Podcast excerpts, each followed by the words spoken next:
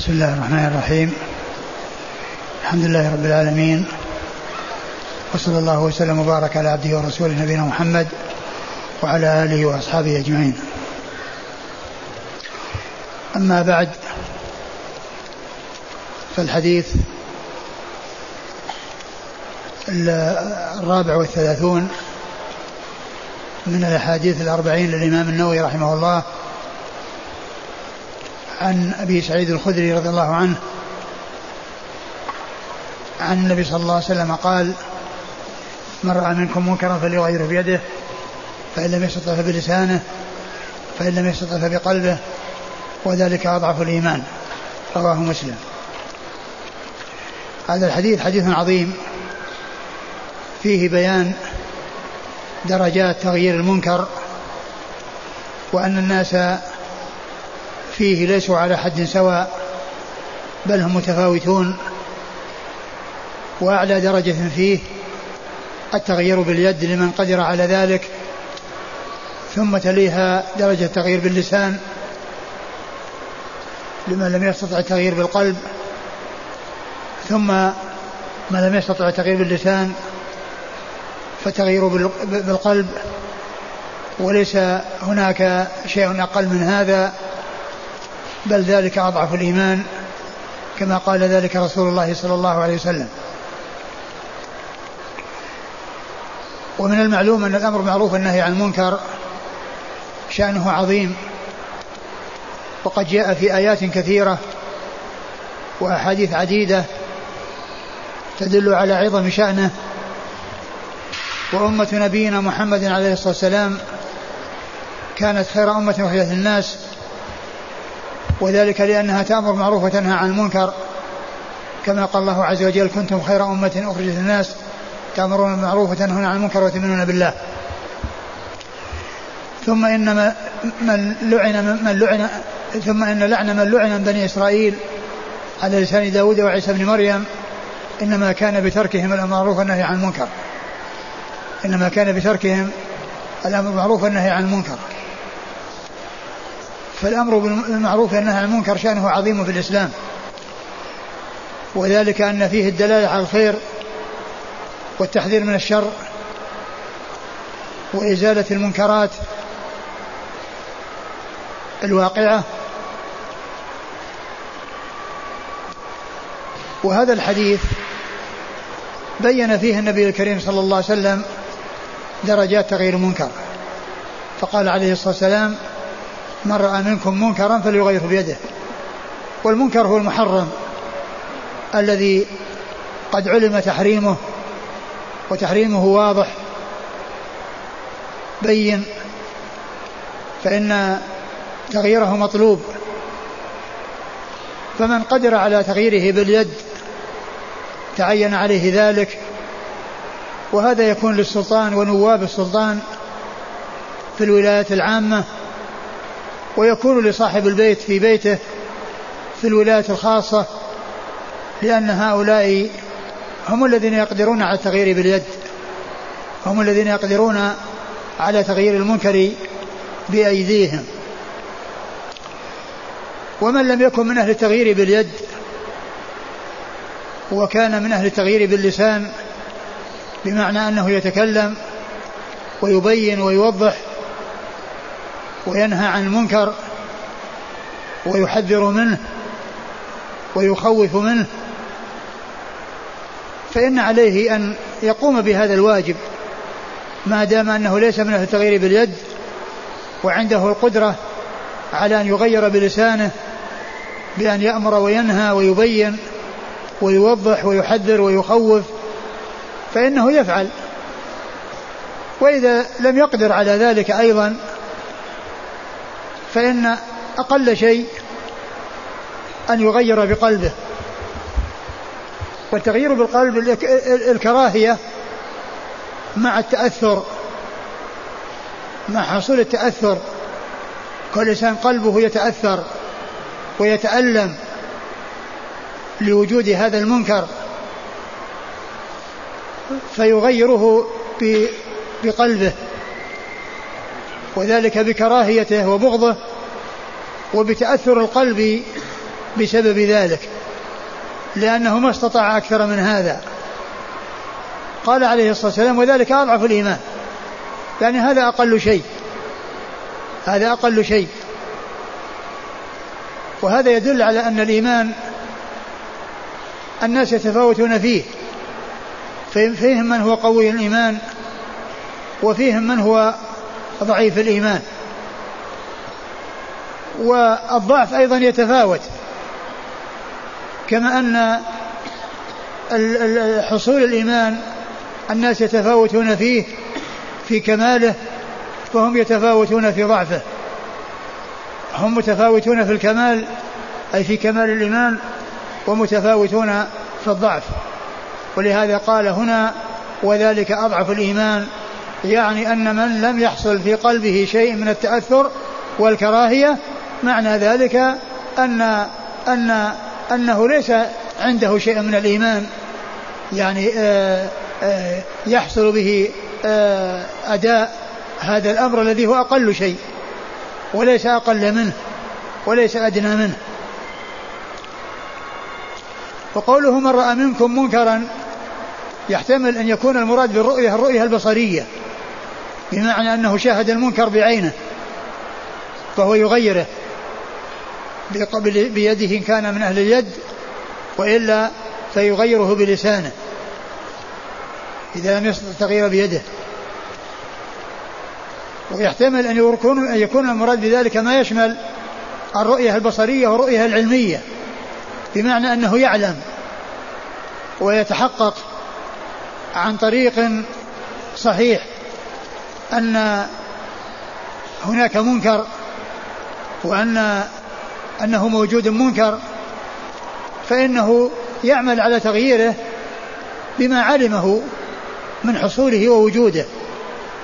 وعلى هذا فلا يكون التغيير خاصا بما رآه الإنسان بل بما علمه وتحقق علمه فإن مطلوب منه أن يغيره. مطلوب منه أن يغيره ما دام تحقق وجوده وعلم بذلك وإن لم يشاهده ويعاينه وعلى هذا فيكون المراد بالرؤية ما هو أشمل من الرؤية البصرية أي ما يشمل الرؤية البصرية والرؤية العلمية.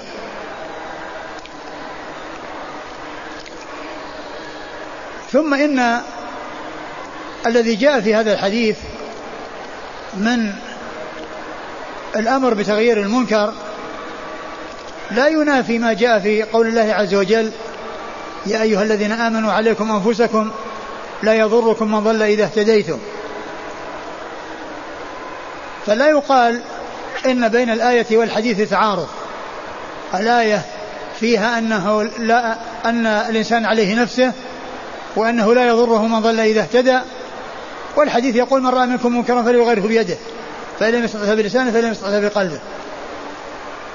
والمعنى أنكم إذا أديتم ما عليكم وأديتم ما هو مطلوب منكم فقد برئت ذمتكم لأنكم قمتم بما هو واجب والاستفادة والهداية هي بيد الله. الإنسان عليه أن يفعل الأسباب وأن يأمر معروف وينهى عن المنكر. إن حصل المقصود وحصل المطلوب فهذا هو الذي ينبغي. وهذا هو هذا هو المطلوب وإن لم يحصل فإن الإنسان يكون أدى ما عليه وبرئت ذمته. وعلى هذا فيكون معنى الآية عليكم أنفسكم لا يضركم ما ضل إذا اهتديتم أي إذا قمتم بما هو مطلوب منكم فقد أديتم ما عليكم ولا يضركم بعد ذلك ضلال من ضل إذا اهتديتم. قالوا وفي قول الله عز وجل إذا اهتديتم دليل على هذا لأن المهتدي ولا يترك الأمر بالمعروف والنهي عن المنكر لأن من الاهتداء أن يأمر المعروف وينهى عن المنكر فيكون الآية نفسها فيها دليل على أن الإنسان يأمر بالمعروف وينهى عن المنكر ولكن آآ آآ يكون المعنى أن الإنسان إذا أدى ما عليه من الأمر بالمعروف والنهي عن المنكر ولم يحصل تحصل الاستفادة بعد ذلك لا يضره ضلال من ضل لأنه أدى ما عليه وأرشد إلى ترك الضلال وإلى الأخذ بسبل الهداية فإذا لم تنفع يعني الموعظة ولم ينفع التذكير ولم ينفع الأمر بالمعروف والنهي عن المنكر يكون المرء أدى ما عليه وليس عليه بعد ذلك آآ آه، آآ آه، حرج وإثم لأنه أدى ما عليه. وإنما يكون عليه الإثم إذا لم يكن أدى ما عليه. من من الأمر بالمعروف والنهي عن المنكر. والحاصل أن هذا حديث عظيم مشتمل على آه، تغيير المنكر وتفاوت الناس فيه ودرجات الناس فيه وأنهم على درجات وليسوا على درجة واحدة وأن كل من قدر على درجة منها تعين عليه الإتيان بذلك وليس له أن يترك ما أوجب الله تعالى عليه وإلا فإنه يكون آثما إذا ترك ما هو قادر عليه من التغيير باليد وهو أعلى شيء ثم التغيير باللسان الذي الذي يليه. ولشيخنا الشيخ محمد الأمين الشنقيطي رحمه الله عند في أضواء البيان عند هذه الآية يا أيها الذين آمنوا عليكم أنفسكم لا يضركم من ضل إذا اهتديتم آه، آه، تحقيقات في مباحث الأمر الأمر المعروف والنهي عن المنكر والمسائل المتعلقة بالأمر المعروف والنهي عن المنكر وقد أحضرته لنستمع إلى ما كتبه شيخنا الشيخ محمد الأمين الشنقيطي رحمة الله عليه. عند الآية في سورة المائدة في آخرها. بسم الله الرحمن الرحيم. الحمد لله رب العالمين. الصلاة والسلام على عبد الله ورسوله نبينا محمد وعلى آله وصحبه أجمعين. أما بعد قال الشيخ محمد الأمين رحمه الله تعالى قوله تعالى يا أيها الذين آمنوا عليكم أنفسكم لا يضركم من ضل إذا اهتديتم. قد يتوهم الجاهل من ظاهر هذه الآية الكريمة عدم وجوب الأمر بالمعروف والنهي عن المنكر. ولكن نفس الآية فيها الإشارة إلى أن ذلك في فيما إذا بلغ جهده فلم يقبل منه فلم يقبل منه المأمور. وذلك في قوله إذا اهتديتم. لأن من ترك الأمر بالمعروف لم يهتدي. وممن قال بهذا حذيفة وسعيد بن المسيب كما نقله عنهما الألوسي في تفسيره وابن جرير ونقله القرطبي عن سعيد بن المسيب وأبي عبيد القاسم بن سلام ونقل نحوه ابن جرير عن جماعة من الصحابة منه ابن عمر وابن مسعود. فمن العلماء من قال إذا اهتديتم أي أمرتم فلم يسمع منكم. ومنهم من قال يدخل الأمر بالمعروف في المراد بالاهتداء في الآية وهو ظاهر جدا ولا ينبغي العدول عنه لمنصف ومما يدل على أن تارك الأمر بالمعروف غير مهتد أن الله تعالى أقسم أنه في خسر في قوله تعالى والعصر إن الإنسان لفي خسر إلا الذين آمنوا وعملوا الصالحات وتواصوا بالحق وتواصوا بالصبر فالحق يعني تواصوا بالحق الذي هو الذي هو الأمر بالمعروف والنهي عن المنكر. فالحق وجوب الأمر بالمعروف والنهي عن المنكر وبعد أداء الواجب لا يضر الآمر ضلال من ضل. وقد دلت الآيات كقوله تعالى واتقوا فتنة لا تصيبن الذين ظلموا منكم خاصة والأحاديث على أن الناس إن لم يأمروا بالمعروف ولم ينهوا عن المنكر عمهم الله بعذاب من عنده فمن ذلك ما خرجه الشيخان في صحيحيهما عن أم المؤمنين أم الحكم زينب بنت جحش رضي الله عنها أن النبي صلى الله عليه وسلم دخل عليها فزعا مرعوبا. يقول لا إله إلا الله ويل للعرب من شر قد اقترب. فتح اليوم من ردم فتح اليوم من ردم يأجوج ومأجوج. مثل هذه وحلق بإصبعه الإبهام بإصبعيه مثل فتح اليوم من ردم يأجوج ومأجوج مثل هذه وحلق بإصبعيه الإبهام والتي تليها. فقلت يا رسول الله أنهلك وفينا الصالحون؟ قال نعم إذا كثر الخبث. وعن النعمان بن بشير رضي الله عنهما عن النبي صلى الله عليه وسلم أنه قال مثل القائم في حدود الله والواقع فيها كمثل قوم استهموا على سفينة فصار بعضهم أعلاها وبعضهم أسفلها. وكان الذين في أسفلها إذا استقوا من الماء مروا على من فوقهم. فقالوا لو أنا خرقنا في نصيبنا خرقا ولم نؤذي من فوقنا فإن تركوهم وما أرادوا هلكوا جميعا. وإن أخذوا على أيديهم نجوا ونجوا جميعا. أخرجه البخاري والترمذي. وعن أبي بكر الصديق رضي الله عنه أنه قال يا أيها الناس إنكم تقرؤون هذه الآية. يا أيها الذين آمنوا عليكم أنفسكم لا يضركم من ضل إذا اهتديتم.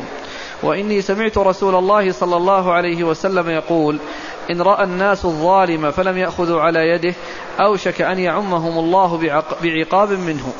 رواه أبو داود والترمذي والنسائي بأسانيد صحيحة. وعن ابن مسعود رضي الله عنه قال قال رسول الله صلى الله عليه وسلم إن أول ما دخل النقص على بني إسرائيل أنه كان الرجل يلقى الرجل فيقول يا هذا اتق الله ودع ما تصنع فإنه لا يحل لك. ثم يلقاه من الغد وهو على حاله فلا يمنعه ذلك أن يكون أكيل أن يكون أكيله وشريبه. أكيله. أن يكون أكيله وشريبه وقعيده. فلما فعلوا ذلك ضرب الله قلوب بعضهم ببعض ثم قال لعن الذين كفروا من بني إسرائيل على لسان داود وعيسى بن مريم ذلك بما عصوا وكانوا يعتدون كانوا لا يتناهون عن منكر فعلوه لبئس ما كانوا يفعلون. ترى كثيرا منهم يتولون الذين كفروا لبئس ما قدمت لهم أنفسهم أن سخط الله عليهم وفي العذاب هم خالدون. ولو كانوا يؤمنون بالله والنبي وما أنزل إليه ما اتخذوهم أولياء ولكن كثيرا منهم فاسقون.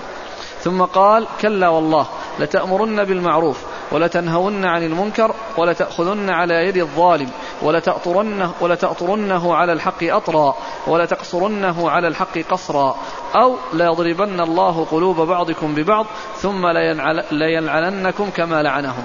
رواه أبو داود والترمذي وقال حسن وهذا لفظ أبي داود ولفظ الترمذي قال رسول الله صلى الله عليه وسلم لما وقعت بنو إسرائيل في المعاصي نهتهم علماؤهم فلم ينتهوا فجالسوهم وواكلوهم وشاربوهم فضرب الله قلوب بعضهم ببعض ولعنهم على لسان داود وعيسى بن مريم ذلك بما عصوا وكانوا يعتدون.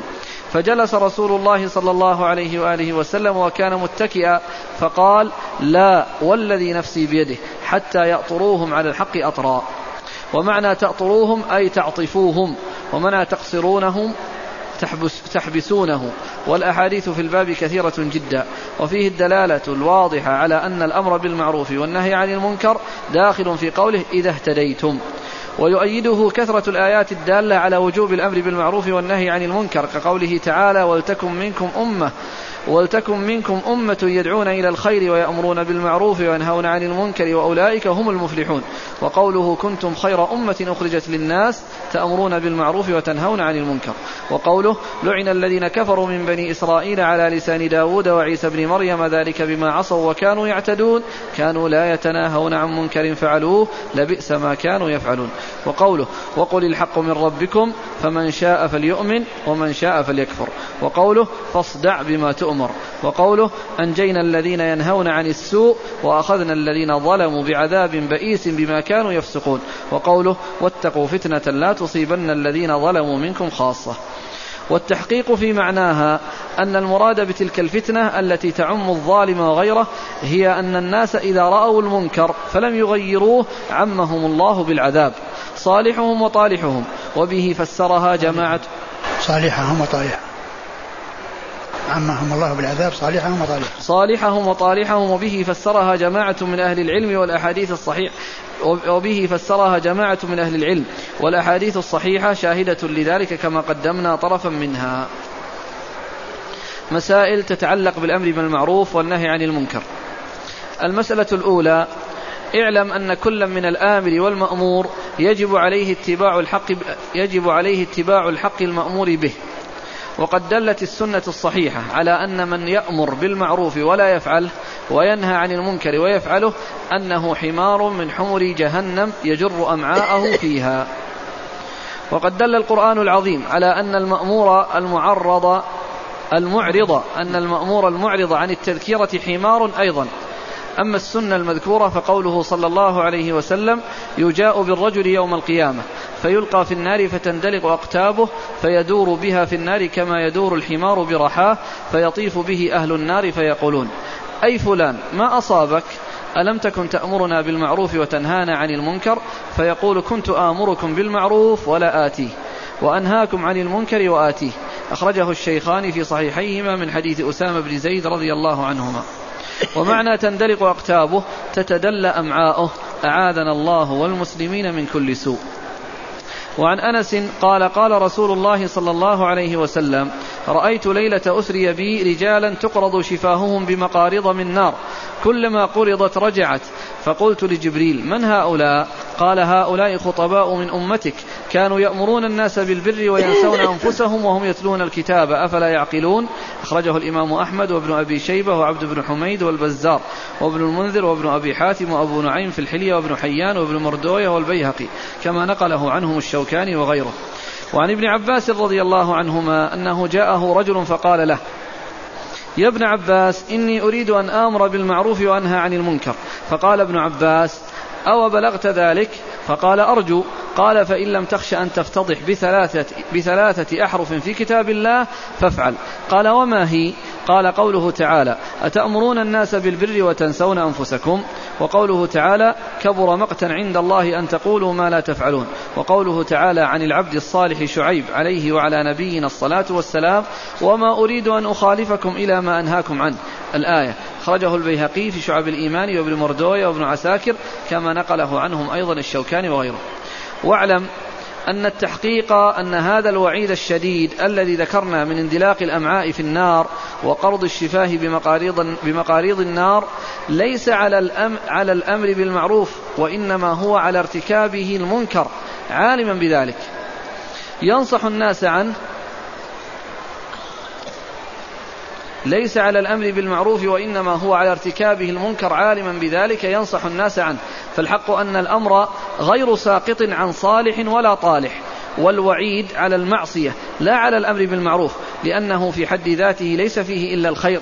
ولقد أجاد من قال لا تنهى عن خلق وتأتي مثله عار عليك إذا فعلت عظيم وقال الآخر وغير تقي يأمر الناس بالتقى طبيب يداوي الناس وهو مريض وقال الآخر فإنك إذا ما تأتي ما فإنك إذ ما تأتي ما أنت آمر به تلف, تلف. من إياه تأمر آتيا. وأما الآية الدالة على أن المعرض عن التذكير كالحمار أيضا فقوله تعالى فما لهم عن التذكرة معرضين؟ كأنهم حمر مستنفرة فرت من قسورة. والعبرة بعموم الألفاظ لا بخصوص الأسباب فيجب على المذكر والمذكر أن يعملا بمقتضى التذكرة وأن يتحفظ من عدم المبالاة بها لئلا يكونا حمارين من حمر جهنم. المسألة الثانية. يشترط في الآمر بالمعروف أن يكون له علم يعلم به أن ما يأمر أن ما يأمر به معروف. وأن ما يأمر به معروف وأن ما ينهى عنه منكر. لأنه إن كان جاهلا بذلك فقد يأمر بما ليس بمعروف وينهى عما ليس بمنكر. ولا سيما في هذا الزمن الذي عم فيه الجهل وصار فيه الحق منكرا والمنكر معروفا. والله تعالى يقول قل هذه سبيلي أدعو إلى الله على بصيرة أنا ومن اتبعني. فدل على أن الداعي إلى الله لا بد أن يكون على بصيرة وهي الدليل الواضح الذي لا لبس في الحق معه. وينبغي أن تكون دعوته إلى الله بالحكمة وحسن الأسلوب واللطافة مع إيضاح الحق لقوله تعالى ادع إلى سبيل ربك بالحكمة والموعظة الحسنة. فإن كانت دعوته إلى الله بقسوة وعنف وخرق فإنها تضر أكثر مما تنفع. فلا ينبغي أن يسند الأمر بالمعروف إسنادا مطلقا إلا لمن جمع بين العلم والحكمة والصبر على أذى الناس. لأن الأمر بالمعروف وظيفة الرسل وأتب لأن الأمر بالمعروف وظيفة الرسل وأتباعهم وهو مستلزم للأذى من الناس. لأنهم مجبولون بالطبع على معاداة من يتعرض لهم في أهوائهم الفاسدة وأغراضهم الباطلة. ولذا قال العبد الصالح لقمان الحكيم لولده فيما قص الله عنه وأمر بالمعروف وانهى عن المنكر واصبر على ما أصابك. ولما قال النبي صلى الله عليه وسلم لورقة بن نوفل أو مخرجيهم يعني قريش أخبره أخبره ورقة أن هذا الدين الذي جاء به لم يأت به أحد إلا عودي. وروي عن عمر بن الخطاب رضي الله عنه أنه قال ما ترك الحق لعمر صديقا. واعلم أنه لا يحكم على الأمر بأنه منكر. لا يحكم. واعلم أنه لا يحكم على الأمر بأنه منكر إلا إذا قام على ذلك دليل من كتاب الله تعالى أو سنة نبيه صلى الله عليه وسلم أو إجماع المسلمين. وأما إن كان من مسائل الاجتهاد فيما لا نص فيه فلا يحكم, فلا يحكم على أحد المجتهدين أو المجتهدين المختلفين بأنه مرتكب منكرا. فالمصيب منهم مأجور بإصابته والمخطئ منهم معذور كما هو معروف في محله. واعلم أن الدعوة إلى الله بطريقين طريق لين وطريق قسوة. أما طريق اللين فهي الدعوة إلى الله بالحكمة والموعظة الحسنة وإيضاح الأدلة في أحسن أسلوب في أحسن أسلوب وألطفه. فإن نجحت هذه الطريق فبها ونعمت وهو المطلوب. وإن لم تنجح تعينت طريق القسوة بالسيف حتى يعبد الله وحده وتقام حدوده وتمتثل أوامره ويجتنب نواهيه. وإلى هذا الإشارة بقوله تعالى لقد أرسلنا رسلنا بالبينات وأنزلنا معهم الكتاب والميزان ليقوم الناس بالقسط وأنزلنا الحديد فيه بأس شديد. ففيه الإشارة إلى إعمال السيف بعد إقامة الحجة. فإن, فإن لم تنفع الكتب تعينت الكتائب. والله تعالى قد يزع بالسلطان ما لا يزع بالقرآن. المسألة الثالثة. يشترط في جواز الأمر بالمعروف أن لا يؤدي إلى مفسدة أعظم من ذلك من ذلك المنكر لإجماع المسلمين على ارتكاب أخف الضررين. قال في مراقي السعود وارتكب لأخف, لأخف من ضررين وخيرا لدى استوى هذين. ويشترط في وجوبه مظنة النفع به فإن جزم بعدم الفائدة فيه لم يجب عليه. كما يدل له ظاهر قوله تعالى فذكر إن نفعت الذكرى وقوله صلى الله عليه وسلم بل ائتمروا بالمعروف وتناهوا عن المنكر إذا رأيت شحا مطاعا وهوى متبعا ودنيا مؤثرة وإعجاب كل ذي رأي برأيه فعليك بخاصة نفسك. ودع عنك أمر العوام فإن من ورائكم أياما الصابر فيهن كالقابض على الجمر كالقابض على الجمر. للعامل فيهن أجر خمسين رجلا يعملون مثل عملكم. وفي لفظ قيل يا رسول الله أجر خمسين رجلا منا أو منهم قال بل أجر خمسين منكم. أخرجه الترمذي والحاكم وصححاه وأبو داود وابن ماجه وابن جرير والبغوي في معجمه وابن أبي حاتم والطبراني وأبو الشيخ وابن مردوية والبيهقي في الشعب من حديث أبي ثعلبة الخشني رضي الله عنه. وقال الراوي هذا الحديث وقال الراوي هذا الحديث عنه أبو أمية الشعباني. وقد سأله عن قوله تعالى عليكم أنفسكم. والله لقد سألت عنها خبيرا.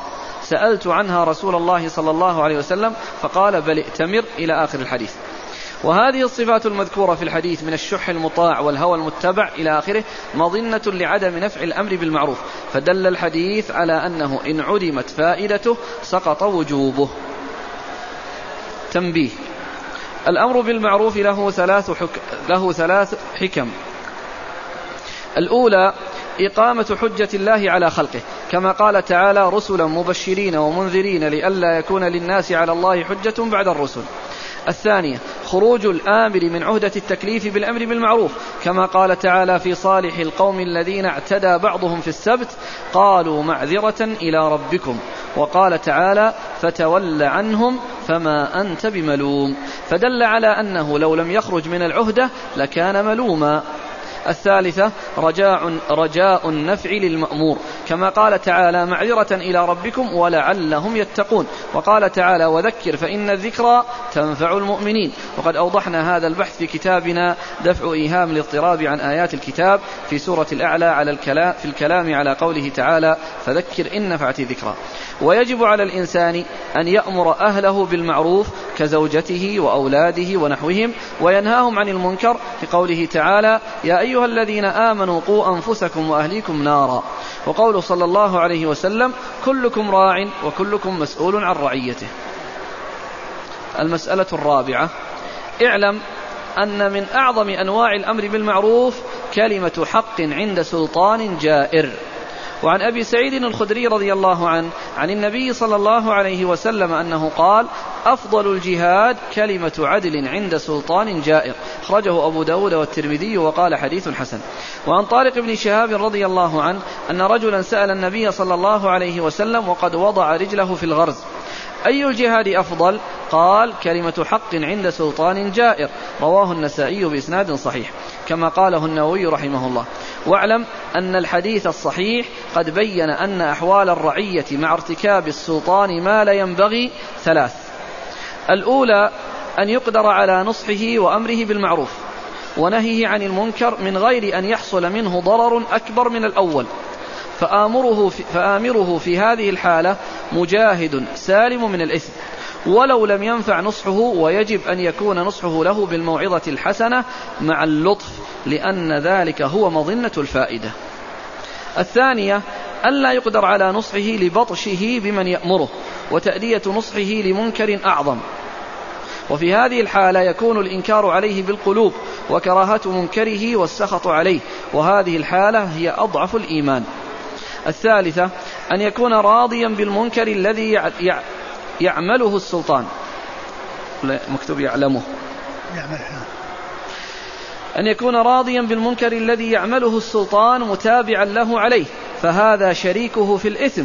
والحديث المذكور هو ما قدمنا في سورة البقرة عن أم المؤمنين أم سلمة هند بنت, أم بنت أبي أمية رضي الله عنها أن النبي صلى الله عليه وسلم قال إنه يستعمل عليكم أمراء فتعرفون وتنكرون فمن كره فقد برئ ومن أنكر فقد سلم ولكن من رضي وتابع.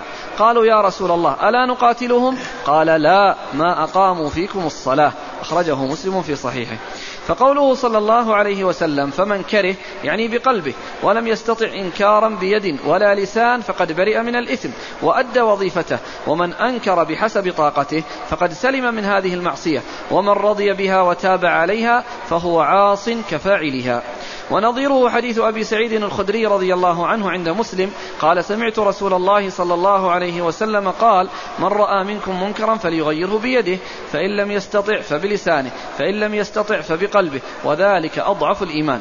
وقوله في هذه الآية الكريمة عليكم أنفسكم صيغة إغراء يعني إلزموا إلزموا حفظها كما أشار له في الخلاصة بقوله والفعل من أسمائه عليك وهكذا دونك مع إليك. قوله تعالى لا نكتب شهادة الله. هذا هو كلام شيخنا الشيخ محمد بن شنقيط رحمة الله عليه في المسائل المتعلقة بالأمر, بالأمر المعروف والنهي عن المنكر وذلك في كتابه أضواء البيان عند قول الله عز وجل في سورة المائدة يا أيها الذين آمنوا عليكم أنفسكم لا يضركم من ضل إذا اهتديتم.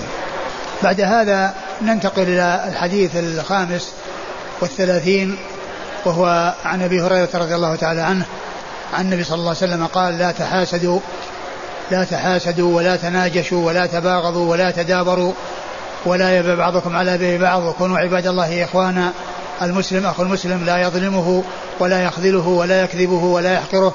التقوى ها هنا ويشير إلى صدره ثلاث مرات بحسب امرئ من الشر أن يحقر أخاه مسلم. كل المسلم على المسلم حرام دمه وماله عرض وماله عرضه. رواه مسلم. هذا أيضا حديث عظيم من أحاديث الرسول الكريم صلى الله عليه وسلم وقد اشتمل على عدة أمور. الأول قوله صلى الله عليه وسلم لا تحاسدوا وهو نهي عن التحاسد. والحسد هو أن يتمنى زوال النعمة عن غيره وسواء تمنى أن تصل إليه أو تخرج من غيره وإن لم تصل إليه. فكل ذلك من الحسد المذموم الذي نهى عنه الرسول صلى الله عليه وسلم.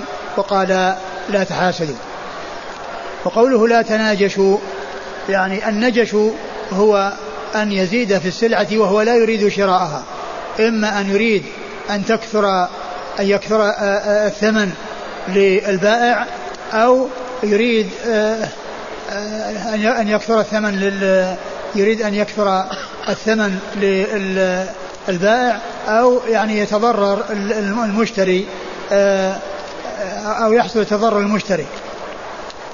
يعني إما أن يريد أن يحسن إلى إنسان بكثرة النقود آه، له أو يسيء إلى إنسان بزيادة آه، آه، السعر عليه الذي هو المشتري. يعني يرفع السعر على المشتري فيتضرر بذلك وتزيد النقود بالنسبة للبائع. وهذا هو النجش الذي نهى عنه الرسول صلى الله عليه وسلم بقوله ولا تناجشوا. أي أن الإنسان إذا آه، كانت السلعة تباع بالحراج وبالمزاد العلني فإن الإنسان إذا كان له حاجة وهو يريد شراءها يزيد وإن كان لا يريد فإنه, يترك فإنه يتركها ولا يفعل آه، الزيادة من أجل أن ينفع إنسانا ويضر إنسانا. ولا تباغضوا أي لا تأخذوا بأسباب البغض التي تؤدي إلى البغضاء وإلى العداوة وإلى التنافر وإلى تنافر القلوب وتباعدها وحصول الجفوة والتباعد بين بين المسلمين بل عليهم أن يأخذوا بأسباب المحبة وأسباب المودة وبما يجلب آه، إليهم الوفاق والوئام لا أن يكون آه، بدلا من ذلك الخصام والنزاع والصرام. ولا تباغضوا ولا تدابروا يعني أن كل واحد يدبر عن الآخر بمعنى أنه لا يريد أن يلقى صاحبه وإن لقيه فكل واحد منهما يولي دبره صاحبه. بمعنى أنه لا يريد أن يلقاه لما بينهم من الشحناء ولما بينهم من التباغض. ولما بينهم من التباغض آه، يدبر أحدهما عن الآخر. بمعنى أنه يلقيه دبره معرضا عنه. لا يريد أن يلقاه ولا يريد أن يسلم عليه ولا يريد أن يتحدث معه بل إذا رآه آه، ولا دبره. أخاه وإنما كل واحد منهما عليه أن يسعى إلى إلى إلى التقارب والتآلف وخيرهما الذي يبدأ بالسلام. قال ولا يبيع بعضكم على بيع أخيه. يعني لا يبيع على بيعه وذلك أنه إذا كان اشترى إذا إذا إذا باع رجل سلعة على آخر بثمن معين وكان في مدة خيار يمكنه أن آه، يبقي العقد ويمكنه أن يفسخه فيأتي إليه شخص آخر عنده سلعة ويقول للمشتري آه، اترك هذه السلعة وافسخ هذا البيع وأنا عندي لك سلعة بأرخص منها مثلها بأرخص منها. أنت اشتريت هذه السلعة مثلا بمئة ريال أنا أبيعك إياها بخمسين ريال أو بستين ريال. فهذا هو البيع على بيع أخيه. أما إذا كان قد اشترى وتم البيع فليس هناك مجال للفسخ وإنما المجال في الفسخ ما دام في مدة خيار. ف آه، آه، كل واحد منهما قال لي الخيار لمدة ثلاثة أيام وفي خلال ثلاثة أيام آه، إن إذا رجع أحدهما رجع وفسخ العقد وإن مضت الثلاثة الأيام وأبقوا العقد على ما هو عليه فإنه يبقى. فيأتي إنسان عنده سلعة إلى شخص اشترى سلعة في مدة خيار ويقول له افسخ هذا البيع واترك هذا الشراء وأنا عندي لك سلعة هي مثلها وبأقل منها سعر فإن ذلك لا يجوز لأن لأن هذا هو البيع على بيع أخيه آه، المسلم. ثم قال عليه الصلاة والسلام وكونوا عباد الله إخوانا. يعني أن أن أن هذه الأمور التي مرت والتي جاء النهي عنها تنافي مقتضى الأخوة بل على المسلمين أن يكونوا إخوة متآلفين متحابين لا يتحاسدون ولا يتباغضون ولا يسعى بعضهم إلى أن يظلم أحدا بالنجش بزيادة في, في ثمن السلعة وهو لا يريد شراءها وكذلك التدابر وهو أن يلتقي فيولي كل واحد منهما صاحبه دبره لا يريد أن يلقاه لما بينهم من الوحشة ولما بينهم من العداوة. وكونوا عباد الله إخوانا. ثم قال المسلم أخو المسلم. ومن مقتضيات هذه الأخوة أنه لا يظلمه. لا يظلمه. لا يعمل معه عملا يكون ظالما له فيه في أي في أي نوع من أنواع الظلم. وقد مر حديث أبي ذر الحديث القدسي يا عبادي إني حرمت الظلم على نفسي وجعلته بينكم محرما فلا تظالموا. فمقتضى الأخوة أن لا يحصل الظلم أن لا يحصل الظلم منه لأخيه بل عليه أن أن يسلمه من ظلمه وأن لا يصل إليه ظلمه وأن لا يحصل منه شيء من الظلم وإنما يحصل منه العدل والإحسان إليه. لا أن يظلمه. و وقد جاء في الحديث انصر أخاك ظالما أو مظلوما. انصر أخاك ظالما أو مظلوما. قال أنصره ظالما فانصر مظلوما فكيف أنصره ظالما؟ قال تمنعه من الظلم. تمنعه من الظلم. فشأن المسلم أنه لا يظلم أخاه المسلم. ولا يخذله أي لا يخذله يعني لا يترك نصرته وهو قادر على نصرته وهو قادر على نصرته و وهذا هو الذي يقتضيه أيضا الحديث الذي أشرت إليه. انصر أخاك ظالما أو مظلوما. أنصره ظالما مظلوما بأن بمعنى أنه يكون عونا له على خصمه بمعنى أنه آآ آآ آآ يكون عونا له في منع الظلم عنه.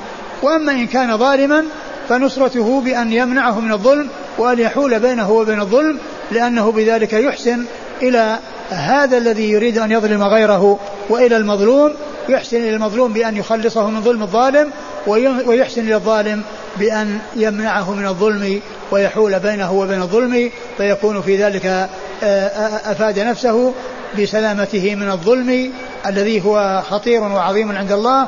ومن حصول الظلم إلى مظلوم يتعدى إليه ظلم الظالم.